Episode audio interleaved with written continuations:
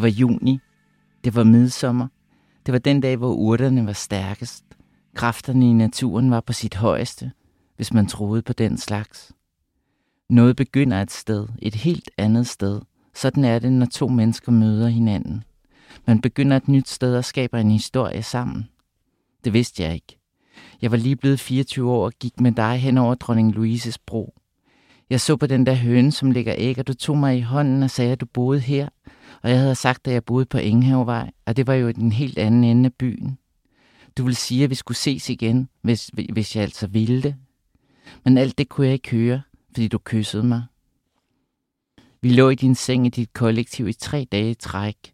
Sine hentede mad til os. Hun stillede det foran døren til dit værelse, og så listede du ud og hentede det. Vi bollede. Vi lå og talte. Du spillede noget for mig på din guitar. Jeg fløjtede indad, og vi gik i bad sammen. Første dag med dig, så slugte jeg dig. Anden dag, så slugte du mig. Og tredje dag, så slugte vi lidt af hinanden. Men så gik jeg altså også ud og kastede op. Noget for noget. Det vidste du heller ikke, at jeg gjorde. Det vidste ingen på det tidspunkt. Hvad skal du, spurgte du, da jeg på tredje dagen tog min vindjagt på. Hjem, svarede jeg. Hvorfor? Min zebrafinger skal have mad, sagde jeg, men jeg kommer igen, hvis jeg altså må. Det skal du, svarede du. Jeg elskede, når du bestemte over mig. Det skal du, og det skulle jeg. Jeg gik, og jeg kom tilbage, og jeg gik igen og kom tilbage. Da jeg kom igen anden gang, havde jeg ingen underbukser på. Jeg havde nemlig ikke flere rene. Vi vaskede mit tøj i dit kollektiv. I havde nemlig vaskemaskinen. I havde alting, synes jeg. Varmt vand og radiatorer, som virkede. Det var sommer. Vi behøvede ikke at tænde dem. Vi kunne nemlig varme hinanden. I dag der skal vi tale om at være i et forhold. Om at være i en tæt relation med et andet menneske, lige fra den begejstrede og nemme forelskelse, forbi syvårskrisen og videre ud i den uvisse fremtid. Vi skal tale om presset fra andres forventninger til, at man skal være et par, måske på en bestemt måde, og hvordan man bryder med den slags idéer for at finde en dynamik, som passer til netop en selv og sin partner. Og det skal vi med forfatter Thomas Lagermann Lundme, som i sine bøger de sidste 20 år har kredset om kærligheden, om sex og lyst. Vi skal derfor også høre ham, hvorfor de her tematikker bliver ved med at forfølge ham, og hvad han har lært om dem på et mere personligt plan. Mit navn er Jakob Nielsen, og velkommen til min litterære pornosamling.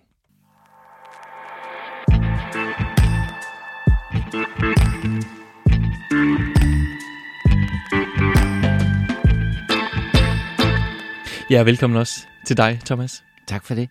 Øh, sidst du var gæst her i min litterære pornosamling, der øh, snakkede vi jo om din skønlitterære debut. Debut? Debut? Forhud fra 1998. Og det er jo en meget intens bog om en ung trækkerdrengs forhold til sin, sin kunder, sin kæreste, til sin mor, plejefamilie, men også til sig selv og sit misbrug, og måske især, især i forhold til sin egen krop, som blev udsat for nogle ret ekstreme ting. Det er en vild øh, roman, der efterhånden har fået lidt øh, kultstatus, og som jeg vil anbefale alle både at læse, men også høre det her afsnit om. Men i dag, øh, i dag så er du kommet i studio for at snakke om din måske seneste skønlitterære bog, En rigtig kærlighed fra 2019, men også lidt om dit øh, forfatterskab generelt, for som sagt, så synes jeg, det kunne være rigtig spændende at høre din, dine betragtninger om, hvorfor du blev med med at vende tilbage og skrive om, om sex og parforhold og magtforhold måske også. Men først skal vi lige have på plads, hvad, hvad en rigtig kærlighed er for en størrelse. Altså det er vel på mange måder en historien om et forhold? Ja, det er det. Og det, det er jo en historie om, mm, altså man siger jo i Bibelen, største af alt er kærlighed. Og det er jo på en eller anden måde en undersøgelse, hvad kærlighed ligesom er på godt og ondt. Fordi i virkeligheden er det også en, en fortælling, der handler om, at, at det faktisk også gør rigtig ondt at elske hinanden. Og det er rigtig svært. Og de, altså i løbet af den her roman, der møder vi jo jeget, og som også vedkommendes kæreste gennem mange år, øh, duet, som det jo blev henvist til. Hvad er det for et, øh, altså hvad kendetegner deres forhold? Det er jo sådan et kærlighedsforhold, hvor de har mødt hinanden meget tidligt i livet. Øh, og, det var vel det, du læste op fra? Ja, og, øh, og, og i hvert fald, hvor jeg ikke er særlig gammel, som jeg er 24, som jeg også lige læste lige før, og, og du er lige lidt ældre. Øh, men duet har sådan sent i sit liv sprunget ud, så det, du, duet er sådan ret ny på den scene, hvor jeg måske er en gammel traver, der ligesom har prøvet rigtig mange ting, ja. men aldrig rigtig prøvet at blive elsket, og egentlig heller aldrig rigtig prøvet at blive forelsket, øh, fordi jeg ikke rigtig har turet det. Og også fordi jeg måske har nogle ting med sig i sin bagage, der handler lidt om, at, øh, at jeg har set nogle, nogle mærkelige sådan, kærlighedsrelationer, øh, og egentlig ikke rigtig troet, at kærlighed øh, var noget for jeget, fordi det på en eller anden måde også er en nem måde at tage lidt afstand til noget, man ikke rigtig lige kan finde ud af at definere og forholde sig til. Øhm, og hvor jeg i hvert fald mere har været, øh, nu refererede du selv til forhud før, øh, men, men altså, der har jeg måske øh, haft sin løbebane lidt i den fortælling, ja. inden vi kommer ind i den her fortælling i en rigtig kærlighed. Ikke? Øh, altså med de her jeg, udnyttende forhold? Ja, og har haft nogle, nogle, nogle virkelig dumme sådan, øh, seksuelle oplevelser, som jeg har troet, Nå, så er det sådan, det er at elske hinanden. Det skal jo bare gøre ondt. Øh, og så i virkeligheden lige pludselig møder jeg det her du, som bare er en jysk mand, som, øh, som øh, egentlig tager jeg meget ned på jorden. Mm. Og, og, og de har sådan den der, altså, altså bogen begynder med den der sommer, hvor alt er magisk, og man er smaskhammerne forelsket, og tror på verden er et godt sted at være, og man ligesom kan alt på en eller anden måde, ikke? og man boller hele tiden, og øh, man, man, man siger ja til alting, og, og, og tør alting på en eller anden måde, ikke? Øh, og, og, og, og, og, og oplever og sanser alt på en eller anden måde som et, det er det, jeg synes, der er så altså, magisk med forelskelse. Det er jo lidt det der øh, to kroppe. Øh, for det meste er man to, når man bliver forelsket. Man kan selvfølgelig også være flere, men, men øh, det der med, at man, man ser verden, og man får på en eller anden måde et nyt syn på verden, fordi man ser på verden sammen.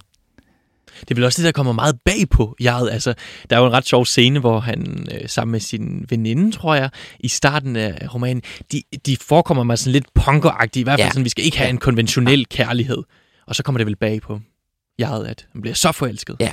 Med alt, hvad det ender Ja, også fordi det, altså, jeg synes, det er mega borgerligt og klister, og ej, så bliver det sådan noget med, så, skal man, så går det to måneder, så sidder man og kigger i det IKEA-katalog, og sætter krydser, og, og, det, og det er det, der også sker for jeget på en eller anden måde. Det går ret stærkt, ikke? Ja. Lige pludselig har de købt en lejlighed, og og jeg går på akademiet og maler, og du laver øh, fjernsyn, og altså, det, det, altså lige pludselig er det meget sådan i og for sig øh, et fast forhold på en eller anden måde, ikke? Og de prøver også sådan stille og roligt og sådan at, at gøre det, som de tænker, de andre også gør i opgangen. Fordi yeah. det er jo også meget en historie om det, der handler om, at hvad er kærlighed for en samfundskonstruktion på en eller anden måde, ikke? Og, og hvad er forhold på en eller anden måde, ikke? Og hvordan kan man ligesom øh, ud af til også måske bliver accepteret som et forhold, hvor man er to mænd sammen. Mm. Altså det kan man gøre, tror de i hvert fald mm. i bogen, ved ligesom at gøre det, som de andre gør nede på tredje sal og sådan noget, ikke? Øh,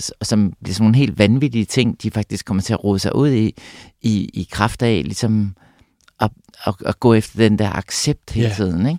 Som vi også kommer tilbage til. Ja. Det, det handler jo netop om, at, at de på et tidspunkt i hvert fald overvejer og forsøger at adoptere et barn, ikke også? Jo. Og så følger vi, altså de, ja, vi, bogen følger vel deres øh, forhold over mange år, kan man ikke sige det? Altså, det jo, i hvert fald i tale som et, over syv år. Ja. Og måske længere end da. Ja, jeg tror i virkeligheden, den er en, sådan en lille fortælling, der ligger over en 15 år, ja. tror jeg i virkeligheden i bogen. Ikke? Ja. Altså, de møder hinanden der i, i midten af 90'erne, og så... Øh, og til, til der sker noget meget forfærdeligt ja. med jeg, der bliver overfaldet en nat på Vesterbrogade, og det... Hen mod slutningen ja, af hen mod bogen. Ja, det er sådan om, lige omkring 2010, tror jeg. Ikke? Ja. ja.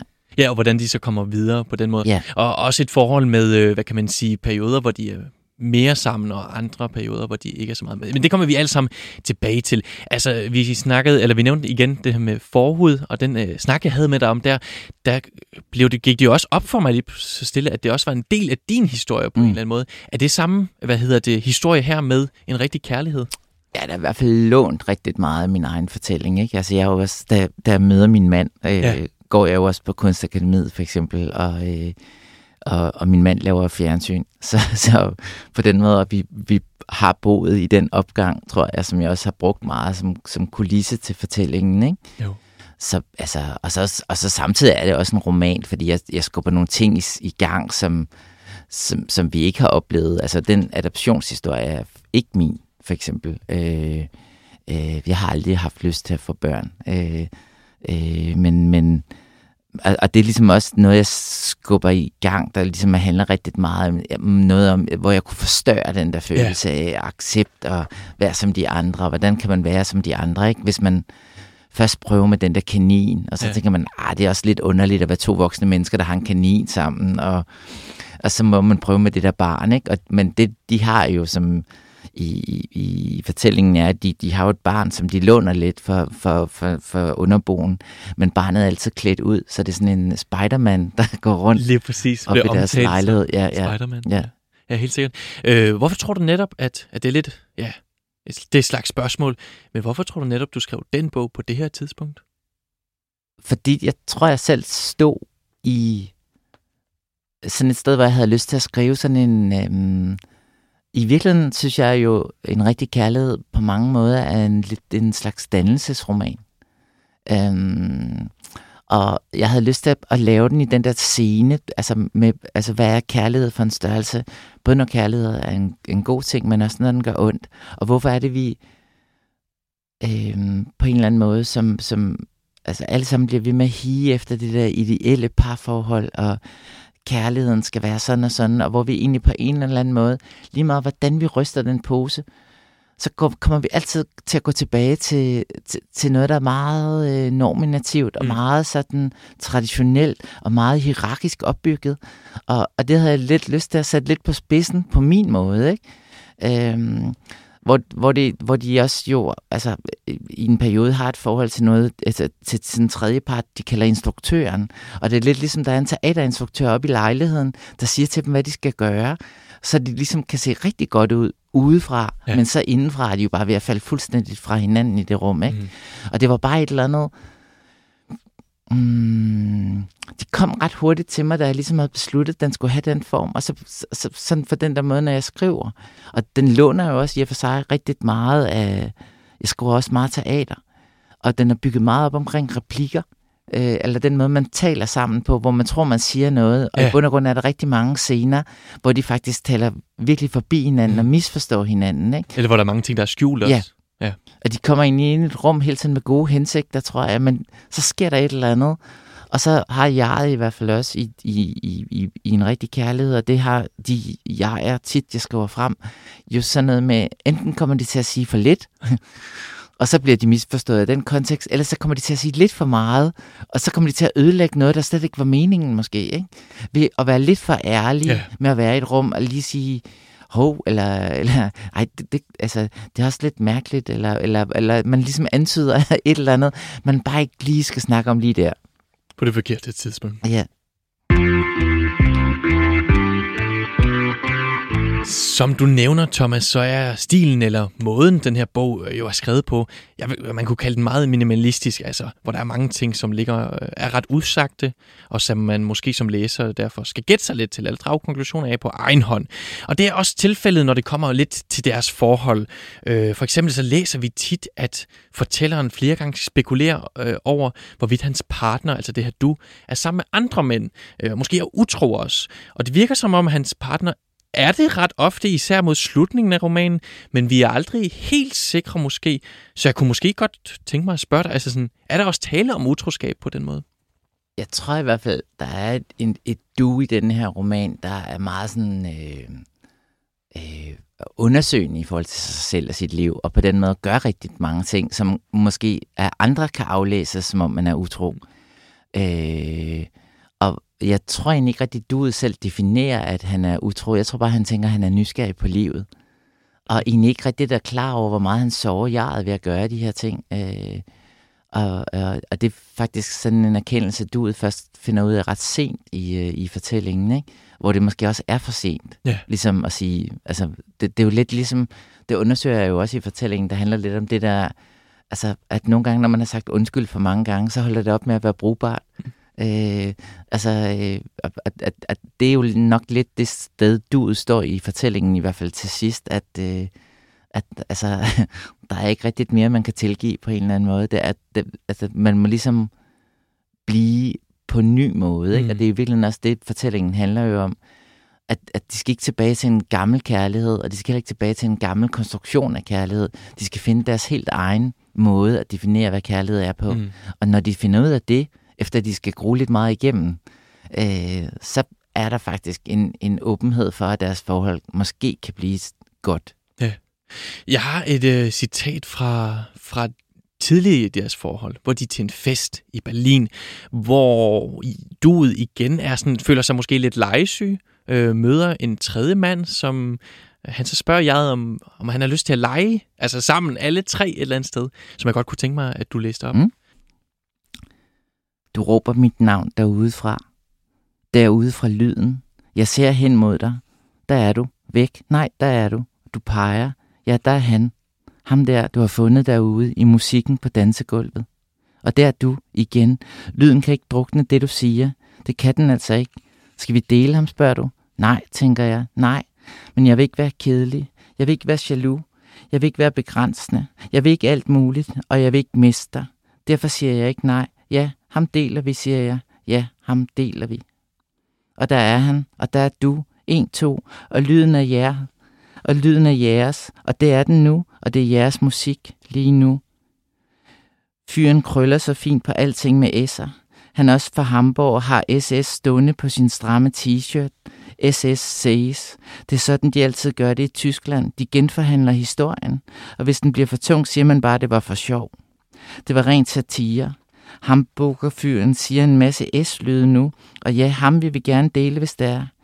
Du trækker mig med ud i lyden. Ja, ham deler vi. Ja, altså hvis det er, siger jeg, og det er det. S siger det, og slangen tager form og løsner sit bælte. S, S. Kærlighed er svær, når man er flere end to. Sex er det nemmeste i verden med flere end to. Det er hele tiden noget, man kan kysse, noget man kan holde fast i, et hul, en pik, en mund, en læbe, tusindvis af tunger. Sex sætter sig slet ikke fast i hjertet. Det er kun kærligheden, der gør det, og begynder at dele sig et utal af store, sorte splinter. Jeg bliver så usikker midt i din sikkerhed på, at vi skal dele. Men kan ikke skjule den slags. Jeg har altså ikke lyst, råber jeg så midt i lyden. Sikker? Ja, det er jeg helt sikker på. Okay, svarer du så midt i en lyd, der knejser og knitrer og brager. Som store mængder af isblokke fra indlandsisen, der i det øjeblik bliver frigivet og flytter direkte ind på mine kinder i retningen nedad. Løbende over halsen. Ej, det må være smeden, siger jeg. Ja, det er den. Det vil jeg råbe til dig. Det vil jeg råbe til dig nu ind i lyden. At sveden i den grad forvirrer mine øjne. Men du er allerede væk. Lyden har taget dig. Jeg må forhandle om at få dig tilbage fra musikken igen. Jeg må have noget stærkt med, med i en flaske. Noget, der til hver en tid vil lokke dig frem, og haps, så har jeg dig igen og igen og igen. Sikker? Ja, jeg er helt sikker på, at jeg er blevet usikker. Og nu tænker jeg på, om din kærlighed til mig er nok, eller om den er nok for mig, når du vil dele den. Nej, det er ikke kærlighed, du vil dele. Det er bare øjeblikket, hvor din krop ikke længere er min, men også tilhører ham der fra Hamburg. Ingen ejer dig, udover dig selv, men jeg troede, du var min, og det forsikrer du mig også om, at du er, men jeg bliver i tvivl, fordi jeg ikke vil dele dig. Altså ikke på den måde. Og så sidder jeg der og føler mig så kedelig og dum og vildt borgerlig, fordi jeg fastholder, at du er min ejendom, og hvad ligner dog det? Mig, der ingenting ejer. Og ja, det kan jeg jo godt se. Og så går du med ham, fordi jeg ikke skal være sådan en, der bestemmer. Det er jo heller ikke min fest, det her. Det er Michael Massens. Er du sikker på, at jeg godt må? Jeg nikker, og jeg er den usikreste udgave af mig selv lige der. Ja, lige der.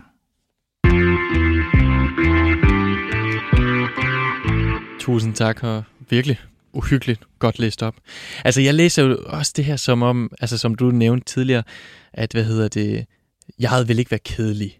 Jeg er bange for at skuffe, men det, altså, hvad kan man sige, grundpræmissen er vel lidt her, at det er okay at være nysgerrig, det er okay at være seksuel med andre mennesker, men jeg er skuffet over, eller lidt skuffet over sig selv måske. Mm. Hvorfor tror du, at jeg er så usikker på det?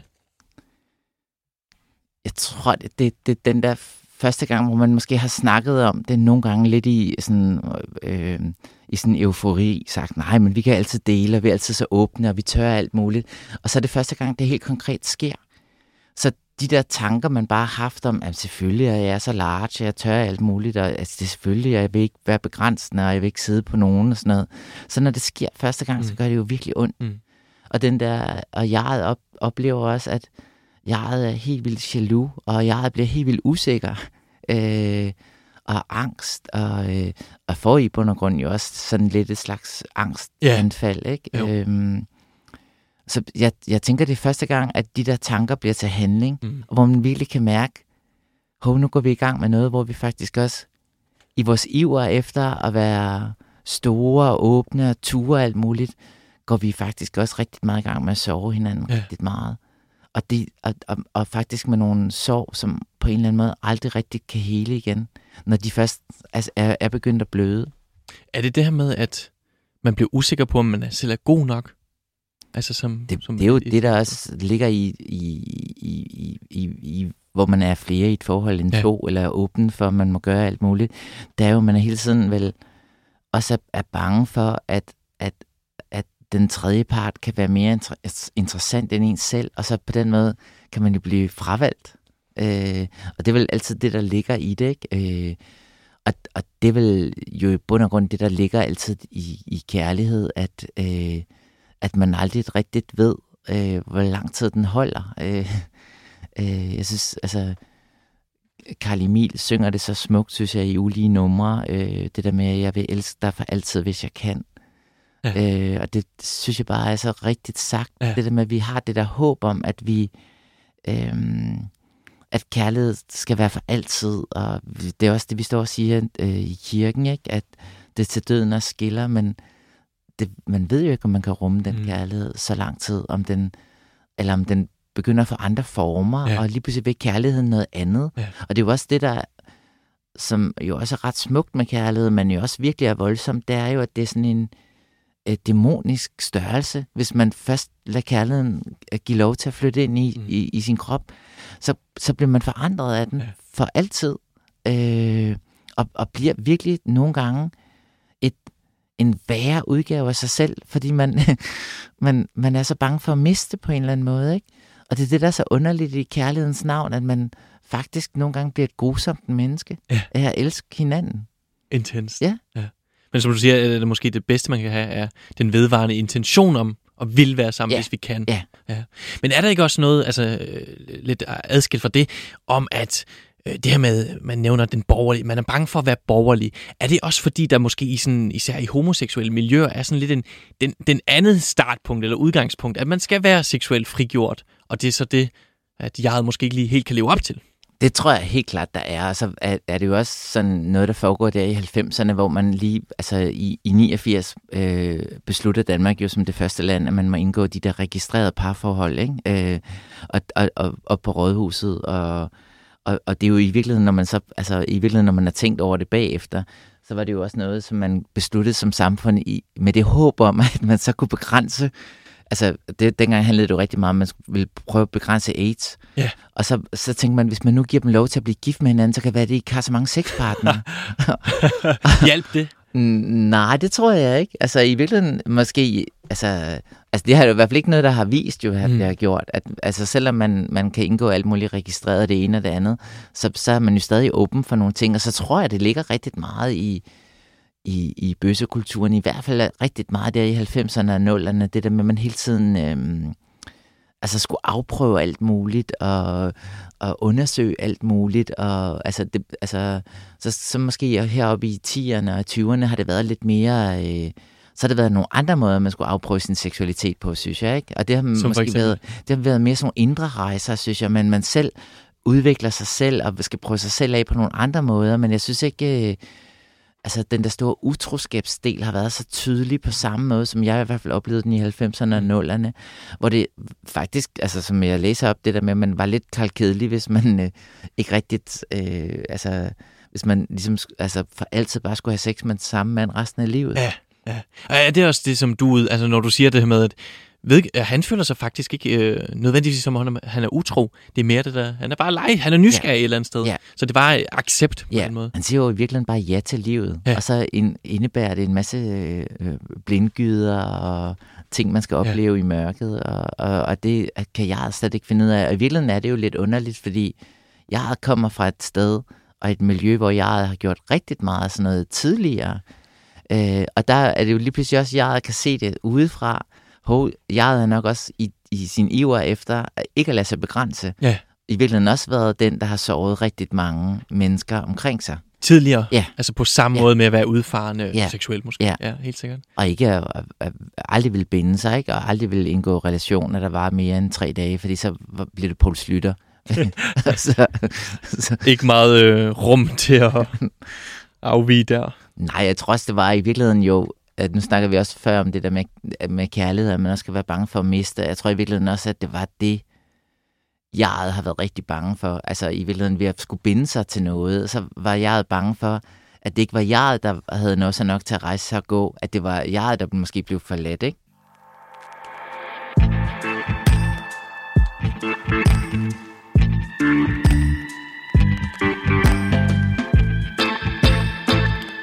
Instruktøren siger, at jeg skal sige det, som det er. Jeg er ikke en far. Jeg er ikke en forræder. Jeg er ikke en forældre. Jeg er ikke engang ansvarlig nok til at være en god kæreste. For jeg glemmer kærligheden. Jeg glemmer, den er der. Det nemmeste at elske på den måde, uden hverdagens kærlighed. At tænke, at kærlighed altid bare er weekend og ferie. Jeg visker dit navn hele tiden, men da du vender dig i søvne og spørger, hvad jeg siger, ryster jeg på hovedet og skynder mig at stå op. Katten skal også have mad. Jeg har ingen børn. Jeg har en kat. Det er min kat. Den er også din. Men det er mig, der ordner den, børster den og går, men går ned til dyrlægen med den og køber mad til den og kattegrus.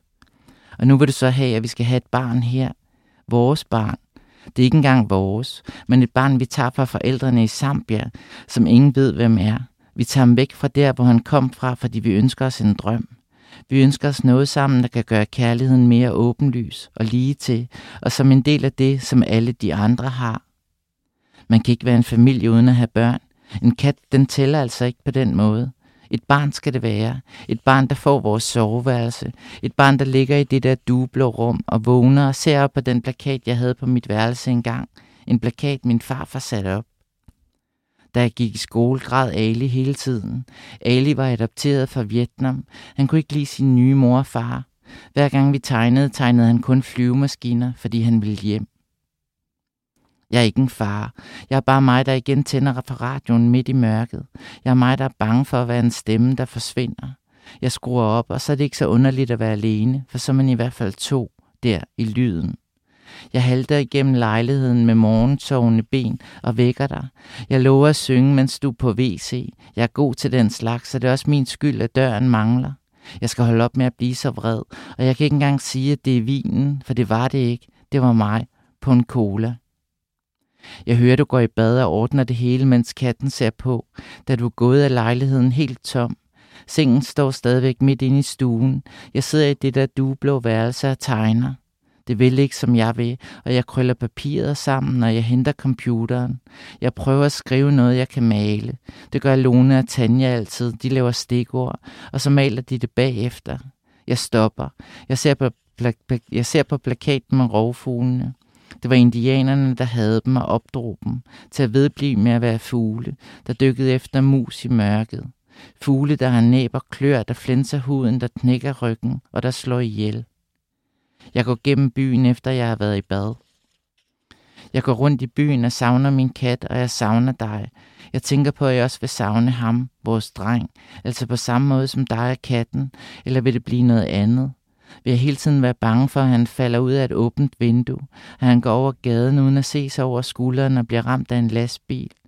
Vil vi om lørdagen gå i svømmehallen, og vil han så drukne midt i bassinet mellem alle de der andre familier, der stadig har deres levende børn?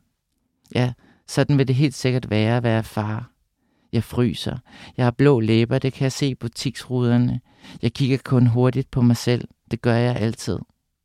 Jeg går hjem igen og tænder lyset og kan se det hele.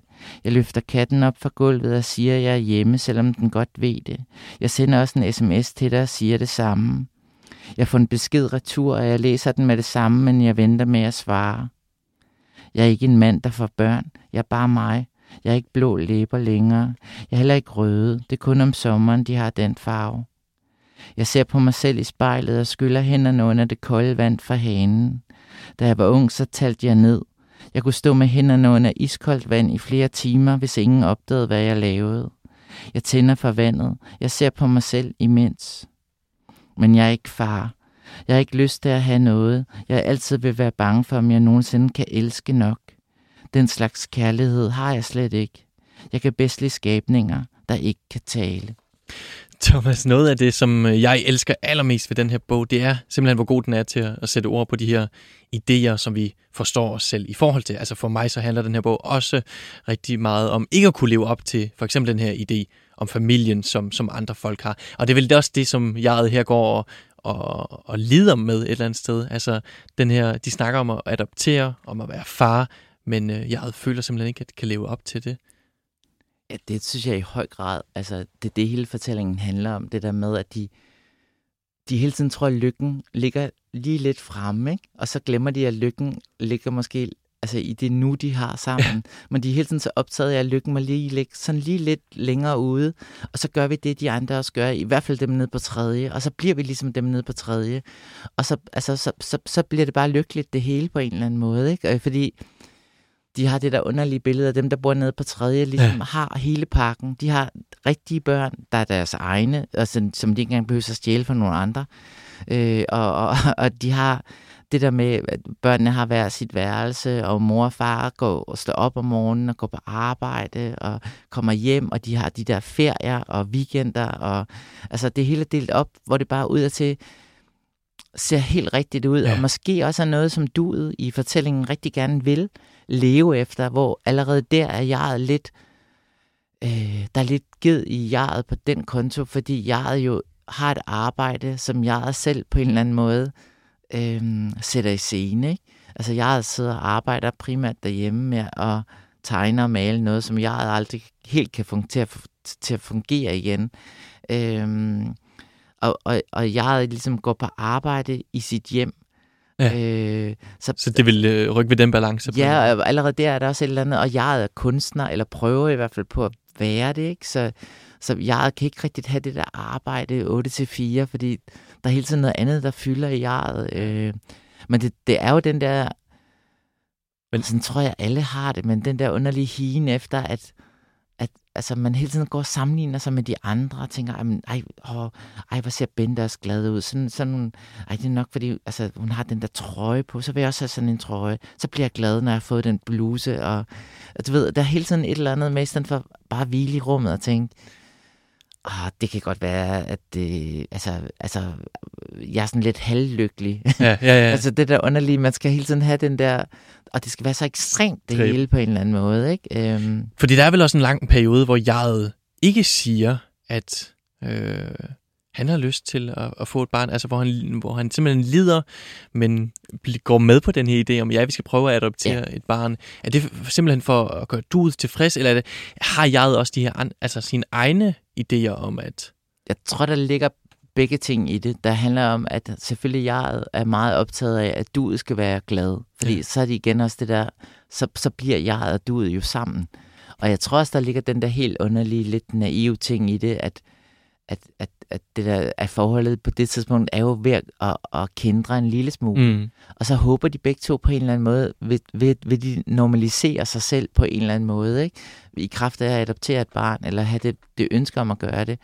At, at, at hvis man går i gang med sådan en proces, så går man jo ikke fra hinanden. Nej, altså, så har man jo et arbejde ja, sammen. og så har man et eller andet, der klister sammen, og de har også, altså, øh, tager, de tager op på Luciana med det der barn nede fra tredje sal, og ligesom går rundt og forestiller sig, hvordan det ville være, hvis det nu var, øh, at de gik rundt med deres eget barn, eller ja. i hvert fald det her barn, de har adopteret, og, ja. og, ligesom, og så ud som den der rigtige familie på en eller anden måde. Ikke? Der er jo lidt sjovt der, fordi det tænder os, jeg til en lille grad. Altså det der, og det er vel bare det her idé om, at nu er vi, nu performer vi sgu ikke, eller jo, vi performer, men du ved sådan, nu er vi jo for første gang, ja. noget der ligner en familie, ja. og det, det tror jeg sikkert. helt sikkert, også fordi jeg jo kommer, og det er både jeg og du's bagage, men de kommer jo begge to fra sådan nogle brudte familier, der er blevet skilt meget ja. tidligt, og har fået nye koner og mænd, og nye papsøskende, og alt det her halløj, ikke?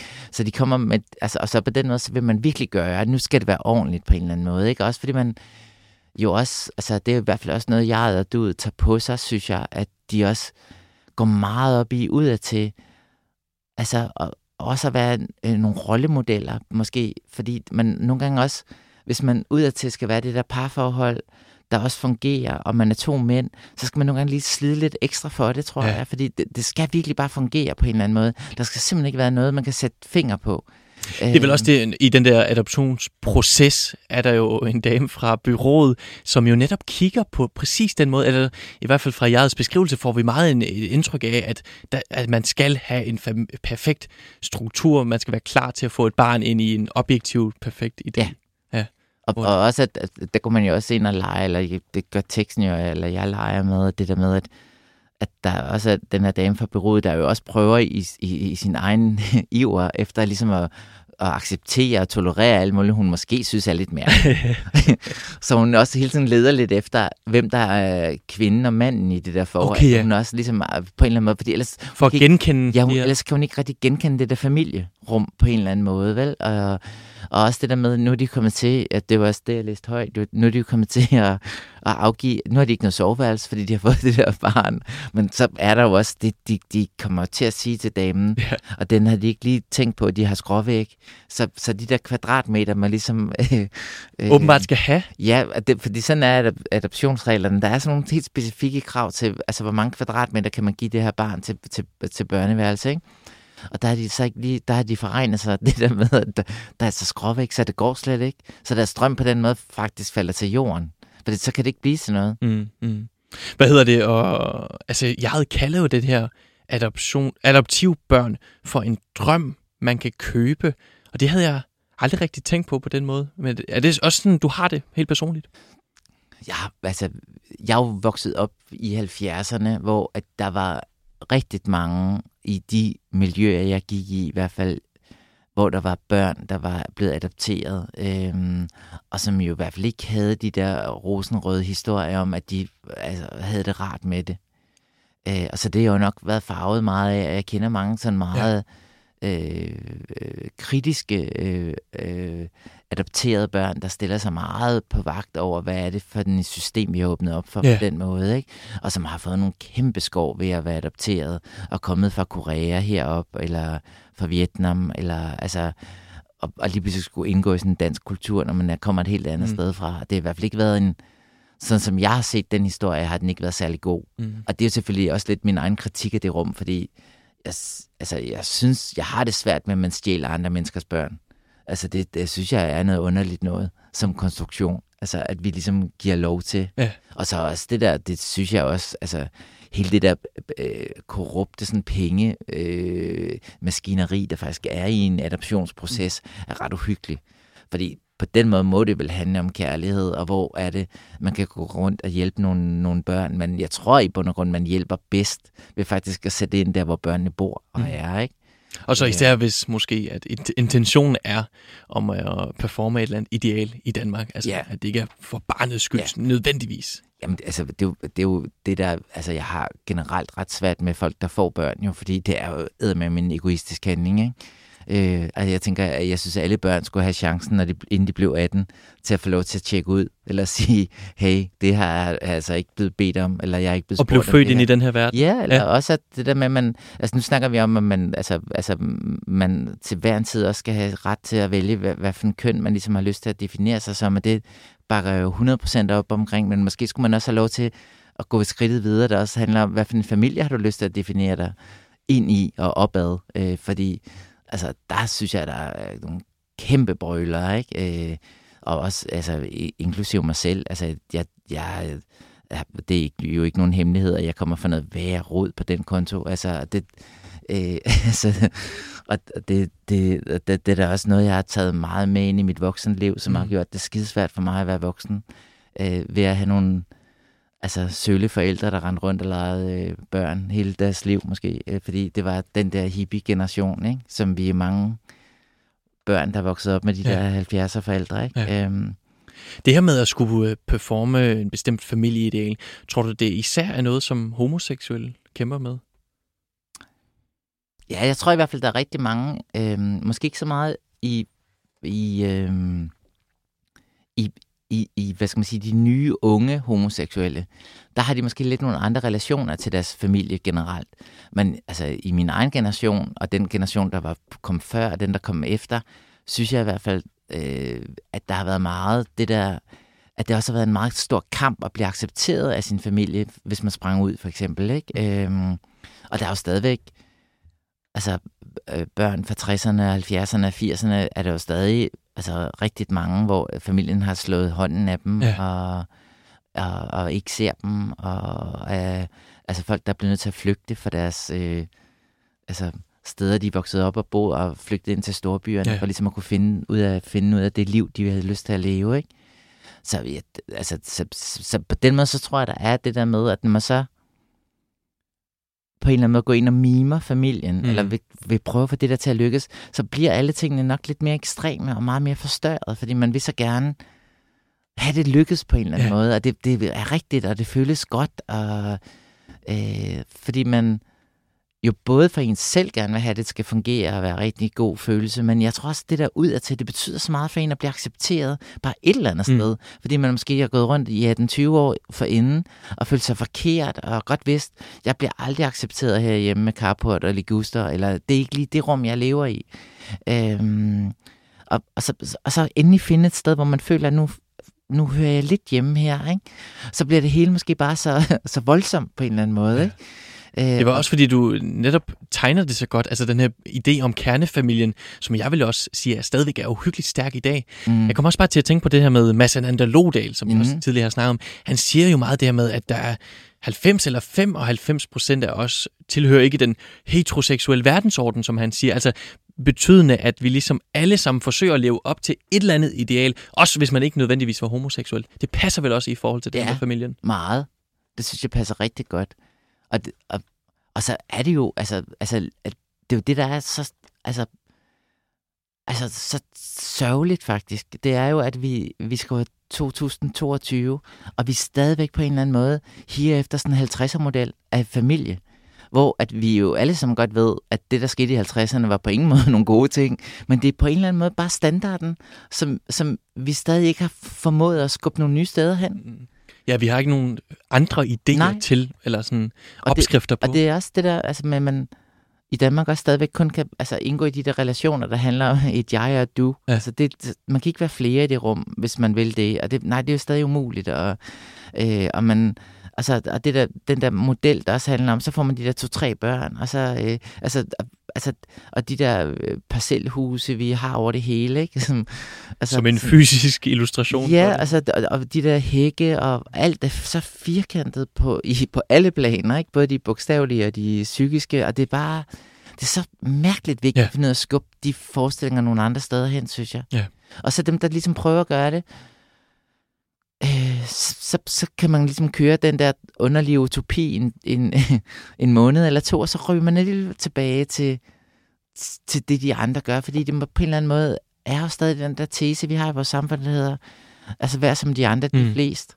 Og det, det er sådan underligt, det er sådan stadigvæk, synes jeg. Tror du, fordi vi er bange, eller gerne vil accepteres på den måde? Det, jeg tror, det er, fordi det, det må være sådan en urinstinkt, der handler om, at vi gerne vil tilhøre flokken. Og vi er så bange for at falde udenfor. Og så tror jeg også, det der, hvis vi så... Altså, det kan godt være, at vi selv lige kan falde lidt udenfor, men så tænk, hvis vi får børn, der skal gå rundt og blive drillet med, at deres far og far er sådan på den og den ja. måde, eller et eller andet, ikke? så forstørrer man det ekstra meget at prøve at tilpasse det, som alle de andre i klassen ser ud og gøre, fordi altså, det skal de i hvert fald ikke høre noget for, Nej. at der så hjemme hos dem bor to mænd, og altså, altså, så skal det hele bare funke efter den der palet på en eller anden måde, ikke? Og så bliver det jo helt, altså, så bliver det jo lidt mere sådan øh, satire eller sådan noget, eller jeg ved ikke, at det bliver virkelig sådan en udstillingsrum på en eller anden måde, hvor at, altså, og samtidig kan man bare mærke den der, at alt klirer, fordi det, det, det, det er lige i hvert fald sammen på en eller anden måde hele tiden, ikke? Og det er vel også det, altså hvis vi lige skal gøre en rigtig kærlighed færdig, som du nævnte, så sker der jo ret øh, voldsomt overfald til jaret i, mod slutningen af bogen, og så bagefter, så skal de jo finde hinanden igen på en eller anden måde. Og det er også det, du nævner, altså de skal finde en måde, eller et forholdsmodel, som kun er deres egen, mm. på deres præmisser. Kan du sætte nogle ord på, hvordan det sker? Jamen det sker jo i kraft af, at jaret bliver udsat for sådan to ret voldsomme overfald øh, på net. Øh, og det ligesom gør, at jeg øh, kommer i noget behandling. Øh, og jeg er ligesom lige pludselig kan se sig selv lidt udefra, og se sig selv lidt i nogle relationer og nogle mønstre, som ligesom er gået igen i hele jeres liv. Øh, og som jeg også godt kan se, øh, går igen i den relation, jeg har til duet. Øhm, hvor jeg måske på en eller anden underlig måde, nu vil jeg jo ikke have børn, men jeg har jo selv opført sig som et barn. Øhm, og, og, og, og det er lige pludselig der, jeg rejser sig faktisk, og i virkeligheden også jeg sådan, øh, rejser sig og kæmper faktisk for kærligheden. Fordi på en eller anden måde har det også været en meget øh, øh, passiv rejse for jeget. Altså, når man, så gør vi det, for det gør de andre. Ja. Nå, så gør vi det, for det gør de andre. Sådan har det ligesom været mange, mange gange. Og det første gang der, både for jeg og du, hvor de ligesom altså selv definerer, at nu går vi ned på gaden, og ja, vi holder hinanden i hånden, og det er lidt skrøbeligt, men det skal nok gå på en eller anden måde. Vi ved ikke, hvordan det kommer til at gå, og, men vi prøver på, at det nok skal gå, og det gør vi bare ved at ture, sådan holde hinanden i hånden og gå de her skridt sammen. Og så må vi se, hvad der sker.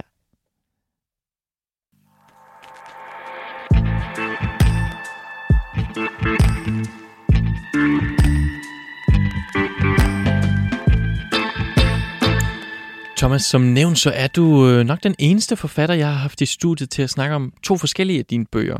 Og det spændende her er jo også, at Forhud, ja, Forhud, som jeg tidligere nævnte, udkom i 98, mens En rigtig kærlighed, som vi har snakket om i dag, udkom i 2019, altså med mere end 20 års forskel. Så jeg kunne godt tænke mig at høre og spørge dig, om du ja, først og fremmest var den samme forfatter dengang, som du er nu?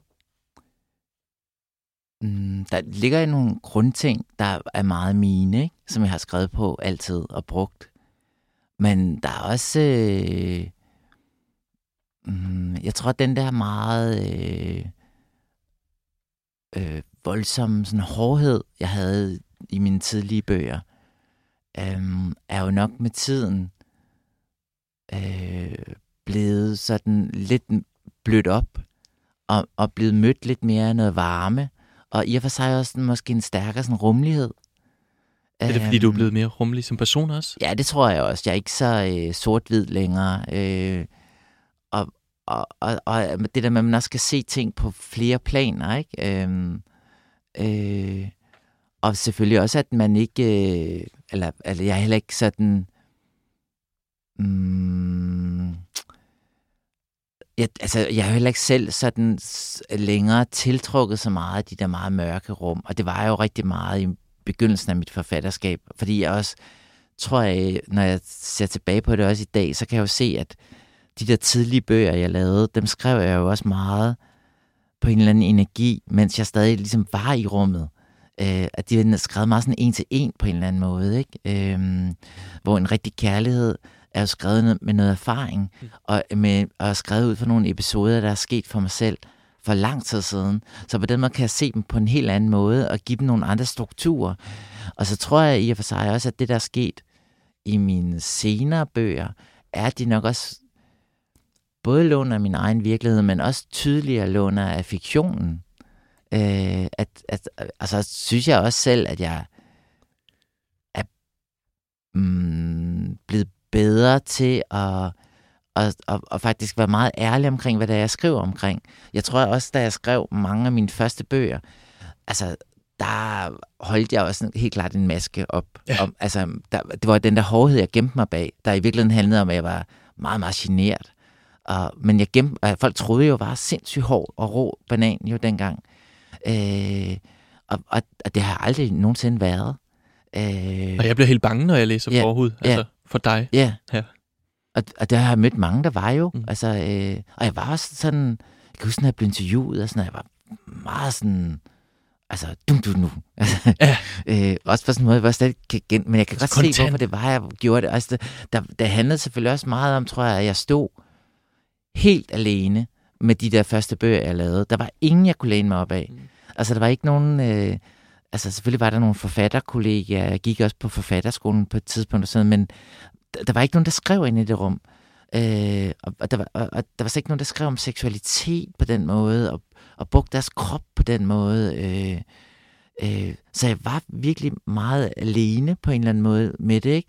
Og så der skete jo på en eller anden måde op i, i nullerne, altså deltid i, efter Bjørn Rasmussen debuterer, vil jeg sige, altså sådan i, i 11, ikke? Altså, der, så, så, nej, men, men så begyndte der at være flere, og man også snakket om seksualitet på en anden måde, og man i, i det hele taget også begyndte at snakke om det der med at være bøsse og lesbisk og transperson og biseksuel, og altså på nogle helt, helt andre måder, mm. end, end, end da jeg ligesom debuterede og lavede min første ting, hvor jeg var sådan et politisk projekt, der var en eller anden, altså det blev jo tit sådan mm. skubbet ind i sådan nogle kontekster, ikke? Og der tror jeg helt klart, at min, min senere bøger vel også går ind og og, og også øh, altså i kraft af, at de, de rummer noget mere varme og noget mere humor måske, men øh, og, og, og, så, og de ikke har den samme hårdhed måske på den måde, men alligevel ligger der jo nok altid en meget stærk sådan ærlighed i mine ting, tror jeg. Jeg er ikke sådan en, der og, og på den måde har det, altså de sidste mange år, jeg har skrevet, har jeg i hvert fald ikke haft nogen maske på. Altså det er meget, meget ærligt, mit værk. Øh, og måske nogle gange også altså for ærligt. Øh, Hvordan det? Altså, fordi det, det kan være hårdt, fordi jeg, jeg lægger jo altså mit liv i dine hænder på en eller anden måde, når jeg laver mine bøger. Og så kan det være svært nogle gange, fordi jeg har mange læsere, der læser sig selv ind i de her følelser, og ligesom kontakter mig, og, og jeg er jo altså forfatter. Jeg er ikke uh, hverken socialrådgiver eller psykolog. Der er en grund til, at jeg er forfatteren. Ikke? Ja. Uh, så jeg kan jo ikke hjælpe andre på den måde. Der er mange, der tror, at jeg ligesom kan hjælpe dem, mm. ved, fordi jeg selv er meget ærlig omkring at, at sige, at livet er svært, og jeg synes, det er svært at være her, men jeg prøver at gøre mit bedste på en eller anden måde. Ikke? Tilhører du så, undskyld, de forfatter, som ligesom også under, eller bliver ved med at skrive om de samme ting, fordi at du, du selv undersøger det på en eller anden måde? Altså dit eget forhold til for eksempel seksualitet? Ja, det tror jeg. Altså, men det er jo også, fordi man hele tiden